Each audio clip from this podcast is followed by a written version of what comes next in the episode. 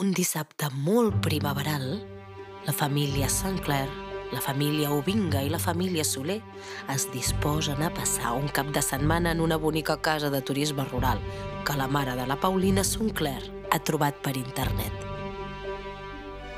No té cap referència, però fa molt bona pinta. Segons diu aquí, l'estrenarem nosaltres. Caset al mig del bosc, ideal per passar cap de setmana amb família i amics. La reservo. Les primeres en arribar són les Sinclair. La Paulina, que té 9 anys, i la seva mare, la Paulette. Han arribat amb el seu cotxe vermell carregat de maletes, com si marxessin una setmana sencera.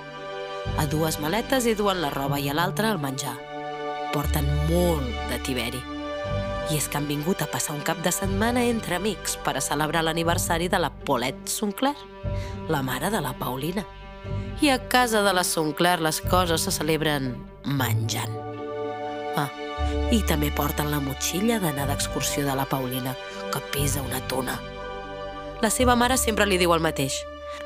Paulina, filla, un dia m'explicaràs què dus en aquesta motxilla, que sembla que hi portis pedres. I és veritat. La motxilla de la Paulina pesa molt, moltíssim, perquè li agrada anar preparada per l'aventura, per si cal fer front a qualsevol imprevist. Han arribat molt d'hora. La Paulette Sinclair volia ser la primera en arribar, per a poder fer un reconeixement del terreny abans no aparegui tota la colla. A la Paulette Sinclair li agrada ser la primera en tot. La mestressa de la casa les espera a la porta. Se la veu una dona singular. Deu tenir uns 60 anys.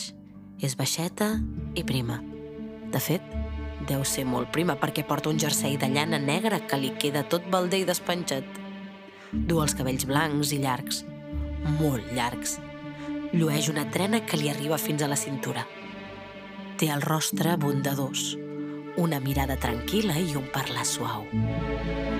Mare i filla han de parar molt bé l'orella per entendre el que diu.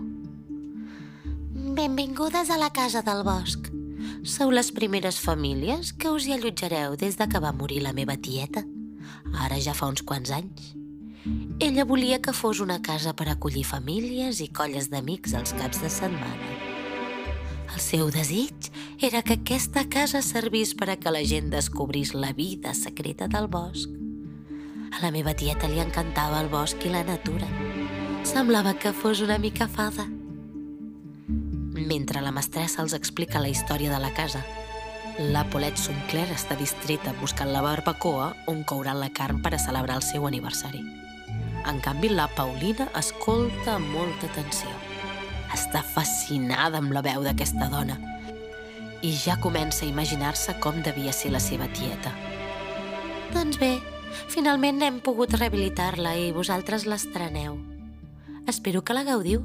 Si us fa falta qualsevol cosa o si teniu cap problema, jo vist seguint aquest caminet que surt de darrere la casa.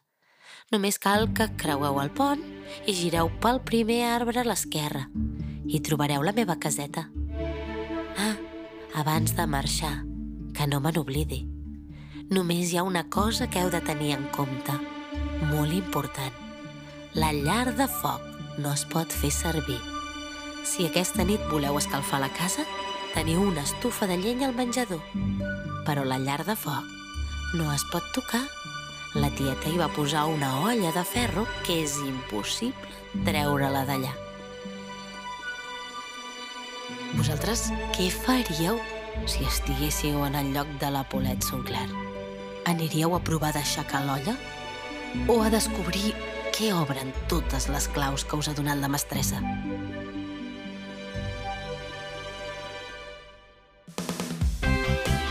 Sigueu protagonistes d'aquesta història i trieu quina aventura voleu viure. Segons l'aventura que trieu, anireu a escoltar un o altre capítol. És hora de descobrir el misteri que amaga la Casa del Bosc.